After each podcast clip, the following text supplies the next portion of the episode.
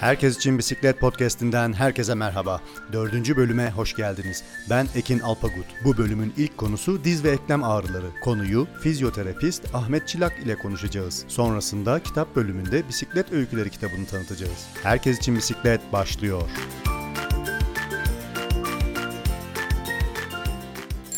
Herkes için bisiklet, sağlık.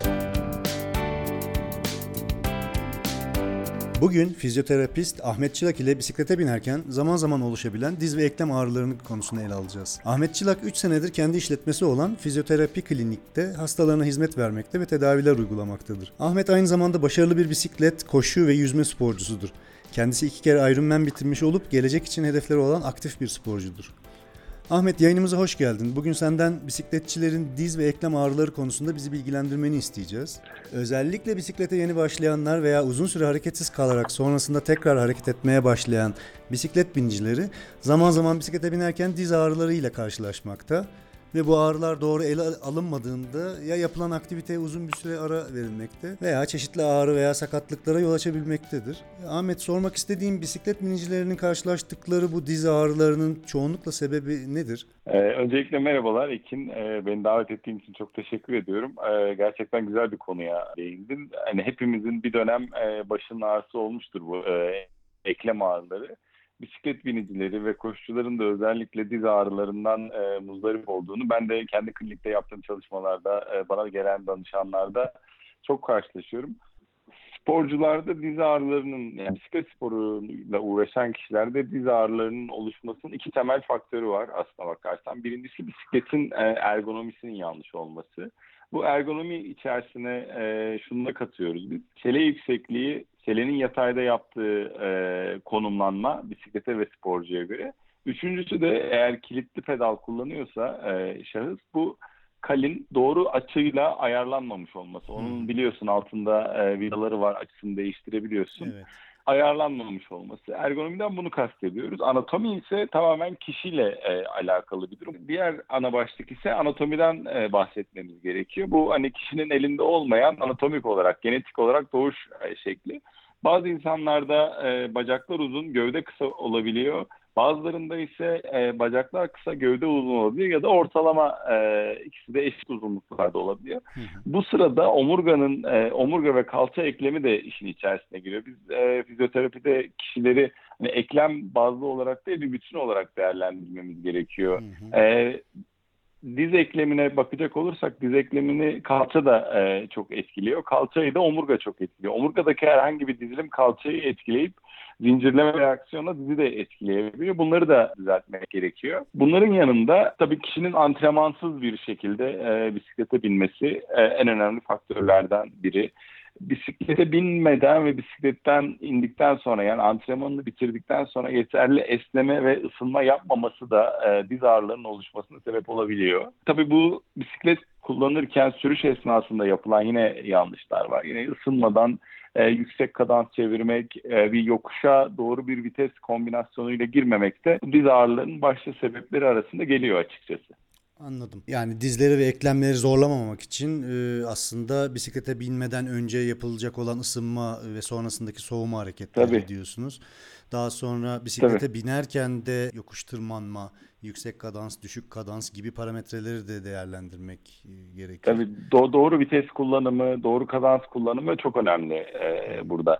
Bir de mevcutta da eğer kişinin farkında olmadığı bir diz problemi varsa işte anatomik bir problemi varsa bu yanlış kullanım, yanlış vites seçimi kadar e, problemin oluşmasına tuz biber ekleyecektir yani. Anladım. Peki e, bu şekilde hani e, bisikletçinin bu şekilde bir sorunla karşılaştığı zaman yani dizlerini zorladığı zaman bunu e, hani evde yapılabilecek e, basit bir tedavi için bize ne önerebilirsin? Bisiklet e, turundan geldim ve dizlerim ağrıyor.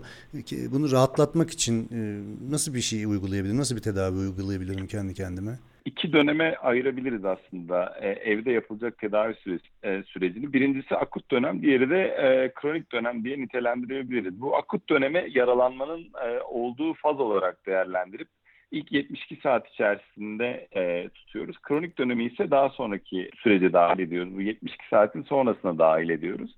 E, akut dönem içerisinde kişi gelir gelmez bunu düzenli bir rutin haline getirmesi gerekiyor. Eğer sürekliliği devam eden bir diz ağrısı varsa e, her antrenmanından sonra e, bir ilk başta bir soğuk uygulama e, yapmasını öğreni, öneriyoruz biz hastaya. Daha sonra ise rutin devam etmek kaydıyla yine e, antrenman sonrasında açma germelerini mutlaka yapmasını e, istiyoruz kişiden. Kronik dönemde yani sürekliliği devam eden bir diz ağrısı varsa bunun üzerine eğer çok ciddi bir problem varsa yani e, bisikletten döndükten sonra 2-3 saat içerisinde yürüyemez duruma, koltuğundan kalkamaz duruma dahi geliyorsa aslında tabii öncelikle bir hekim kontrolüne kesin gitmesi lazım. Bu işler e, kendi haline çözülebilecek durumda değil demektir.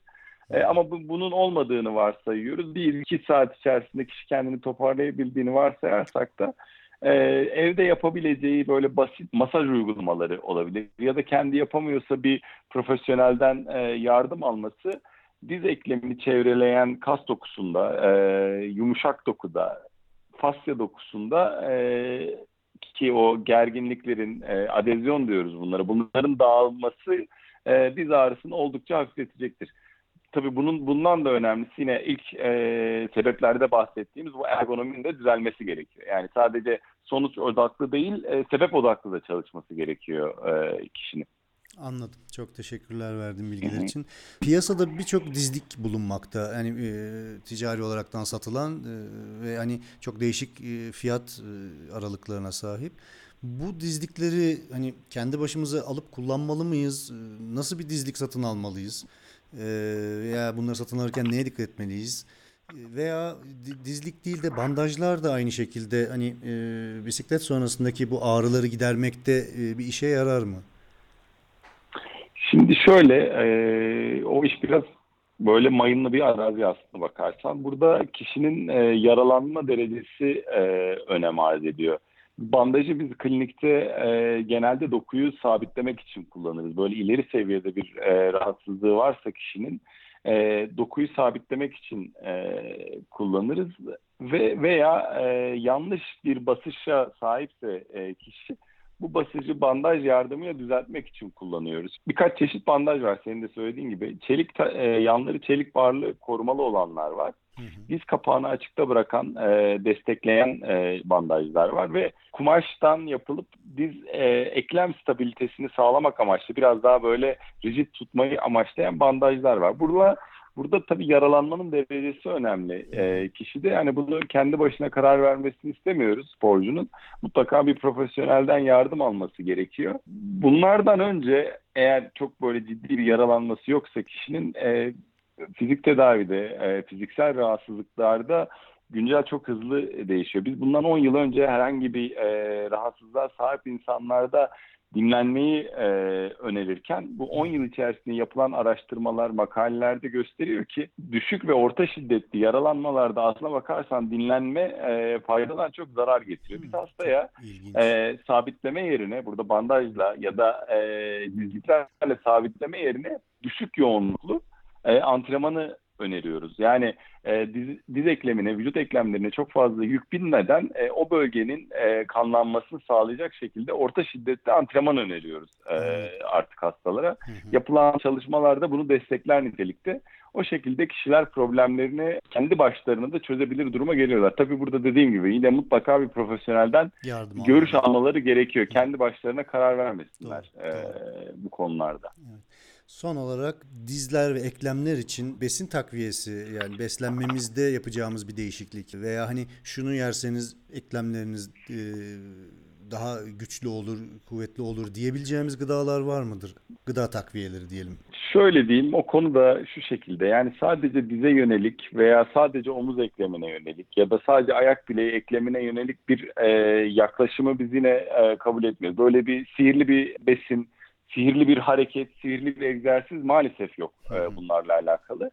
Vücut sağlığını e, daha önce de bahsettiğim gibi konuşmamızın başında da bahsettim. Bütüncül olarak ele almak gerekiyor. Yani sadece dizi korumak olmaması gerekiyor kişinin amacı ya da sadece dizi koruyacak zaten e, bir şey yok ya da sihirli bir besin yok e, bunu sağlayan. Burada e, kişinin düzgün e, ısınmasını, soğumasını düzgün yapması gerekiyor. Doğru dengeli beslenmesi gerekiyor. Yani bu dengeli beslenmeden kastımız da e, biliyorsun besinler iki ana gruba ayrılıyor. Makrolar ve mikrolar olmak üzere. Hani doğru makroları alması gerekiyor vücuduna. İşte doğru proteinleri, yağları, doğru miktarda proteinleri, doğru miktarda yağları, Doğru doğru, miktarda karbonhidratları vücuduna e, alması gerekiyor. Hı hı. Bunun yanında düzenli miktarda su içmesi yani vücuduna yeteri kadar antrenmanın yoğunluğuna, yaptığı antrenmanın yoğunluğuna göre ve off günlerinde düzgün su tüketimine önem göstermesi gerekiyor. Hı hı. Eklemi gerektiği yerde e, dinlendirmeyi bilmesi gerekiyor. Sporcunun kendisini tanıması gerekiyor aslına bakarsan ve tabii bunların da hepsini kapsayan vücudun e, onarım mekanizmalarını tetikleyen uyku. Çok düzenli bir uykuya sahip olması gerekiyor kişinin. Yani istediği kadar iyi bir sporcu olsun, istediği kadar performanslı olsun ama uyumuyorsa vücuduna bu dinlenme ve toparlanmayı e, sağlayacak zamanı vermiyorsa diz ağrısı, eklem ağrıları, vücut ağrıları kaçınılmaz oluyor. Bunların hepsini düzgün düzenli yaptığı zaman sporcu aslına bakarsan bu e, ağrılarından, e, problemlerinden e, temelli bir şekilde kurtulmuş oluyor. Ama bunun yanında ekleme iyi gelen kolajen içeren e, besinler tabii ki de var. Yani hepimiz kullanıyoruz kelle paça e, Çok belli bir yaşa evet. kadar kullan e, belli bir yaşa kadar e, vücuda faydalı olduğuna dair çalışmalar var ama daha sonrasında e, hani ne kadar yersen ye hiçbir faydası olmuyor Hı hı, hı bunun. O yüzden yine e, başta söylediğimi tekrar söyleyeceğim. Bütüncül olarak bakmak lazım Yaklaşmak lazım. E, yemeğinden uykusuna, dinlenmesine, sıvı alımına hepsine e, dikkat etmesi gerekiyor. Vücudunu o şekilde koruması, kollaması gerekiyor kişinin. Ahmet çok teşekkür ediyoruz. Çok değerli bilgiler paylaştın bizimle. Diz ve eklemler çok önemli konu. Ee, Bir sporcunun veya Tabii. bisiklet e, Ee, rica ederim. Biz bu sporu, e, bu işleri severek yapıyoruz. Severek yapabilmek, uzun sürede e, buna devam edebilmek için e, vücudumuza iyi bakmamız gerekiyor. Bunun yolu da daha önce bahsettiğimiz şeylerden geçiyor zaten. Çok teşekkürler. Gelecek yayınlarda tekrar seninle görüşmek üzere. Kendine Seve seve, lütfen. seve seve gö- görüşmek üzere.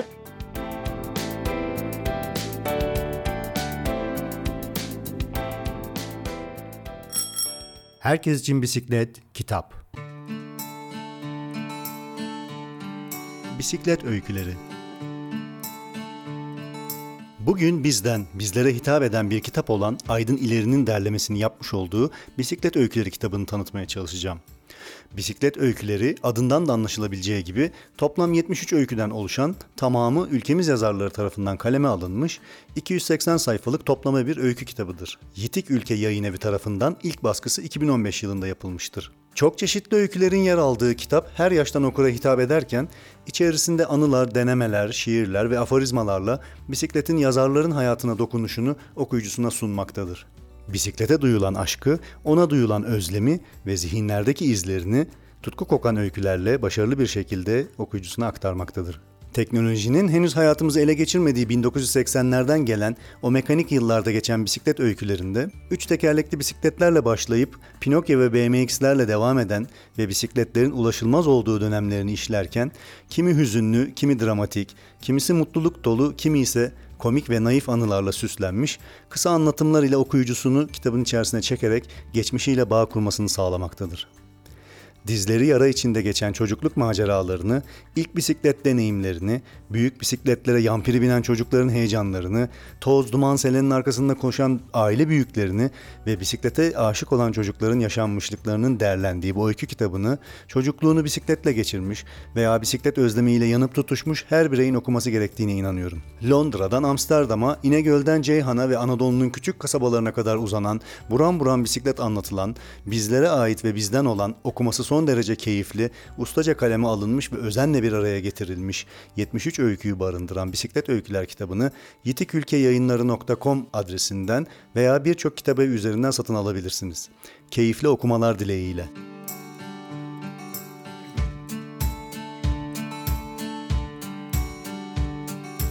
Bir programın daha sonuna geldik. Vakit ayırarak dinlediğiniz için teşekkür ederiz. Yayınlarımızı Twitter, Facebook gibi sosyal medya kanallarının yanı sıra Spotify, Google ve Apple Podcast üzerinden takip edebilir Geçmiş programlara ulaşabilir, yeni programlar yayınlandığında ise anında haberdar olabilirsiniz. Yayınlarımıza bir fincan Türk kahvesi ile destek olmak isterseniz patreon.com sitesi üzerinden Herkes için Bisiklet hesabına küçük bir katkıda bulunarak bir fincan kahve ile bizi güçlendirebilir, daha enerji dolu ve dinamik programlar hazırlamamıza destek olabilirsiniz.